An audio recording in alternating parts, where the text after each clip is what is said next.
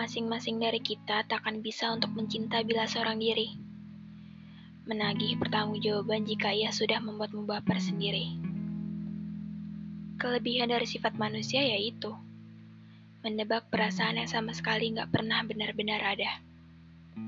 Coba saya tanya, udah berapa kali kamu dikuasain sama ego kamu sendiri?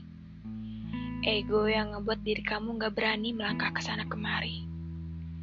Kamu cuma berani di situ-situ aja, nggak bahagia, nggak sedih. Kamu sendiri pun bingung sebenarnya apa yang kamu mau dan apa yang kamu cari.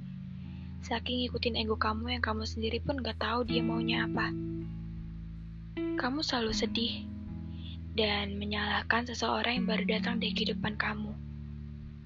Padahal, yang bikin sedih sebenarnya itu adalah ekspektasi dari pikiran kamu sendiri. Coba saya tanya lagi, udah berapa kali kamu nyakitin diri kamu sendiri untuk orang yang gak pernah peduli? Udah berapa kali?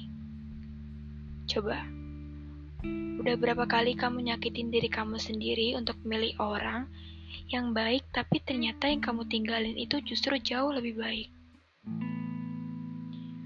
Udah berapa banyak kamu sia-siain sesuatu yang sebenarnya itu yang kamu cari selama ini? Bisa jawab pertanyaan saya nggak? Atau kamu baru kepikiran sampai sekarang? Oh iya ya, ternyata gue cuma kegeeran. Iya sih, kalau gue nggak berharap lebih, mungkin nggak bakal sakit kayak gini. Dan beberapa dari kita pun gak sadar kalau ternyata apa yang kita mau tuh gak harus ada sekarang, gak harus dicari sekarang.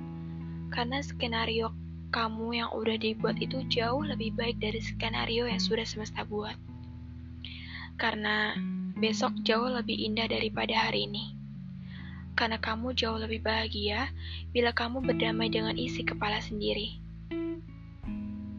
Maafin diri kamu sendiri Jangan musuhin isi kepala kamu sendiri ya. Saya pengen ngasih tahu, kalau kamu pengen dihampiri sama kebahagiaan, kamu harus bertepi dulu dari kesedihan. Kamu harus bisa melawan sepi, kamu harus mampu dan bangkit lagi. Bila bahagia itu tak harus bersama. Bahagia itu nggak selalu tentang cinta. Bahagia itu nggak selalu punya relationship yang pengen semua orang lain rasa.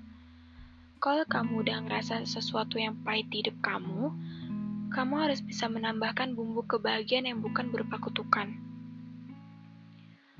Kalau ada seseorang yang belum bisa menerima keberadaan kamu, jangan sedih.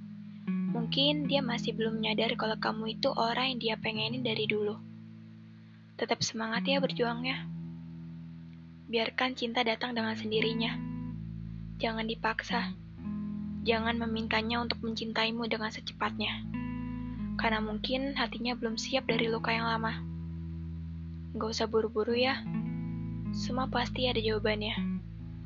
Kalau bahagianya kamu bukan bahagianya dia, berarti semesta ngasih kamu dia yang lebih dari dia. Ngerti gak sih saya ngomong apa? Intinya gitu. Beri dia waktu buat memahami rasa yang selama ini ada, agar dia tak kembali kecewa. Bila lelah, istirahatlah. Nafas sebentar. Apalagi sih yang dikejar kalau dia udah ngasih aba-aba buat kamu mundur dan terpaksa harus bubar. Gak kerasa ya, tinggal beberapa hari lagi kita lebaran. Banyak yang gunain kesempatan itu untuk minta maaf sama seseorang yang pernah nemenin hari-harinya sama kalian. Atau kamu sendiri yang gunain kesempatan itu.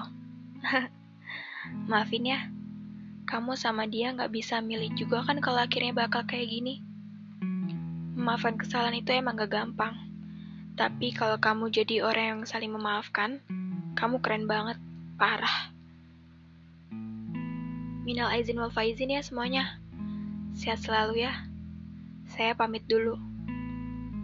Istirahatin dulu ya hatinya kalau pengen sembuh. Mulai sekarang, kamu harus bisa menerima bahwa yang menurutmu bisa bikin bahagia, tapi menurut Tuhan itu bisa membuat luka. Jadi, hati-hati ya.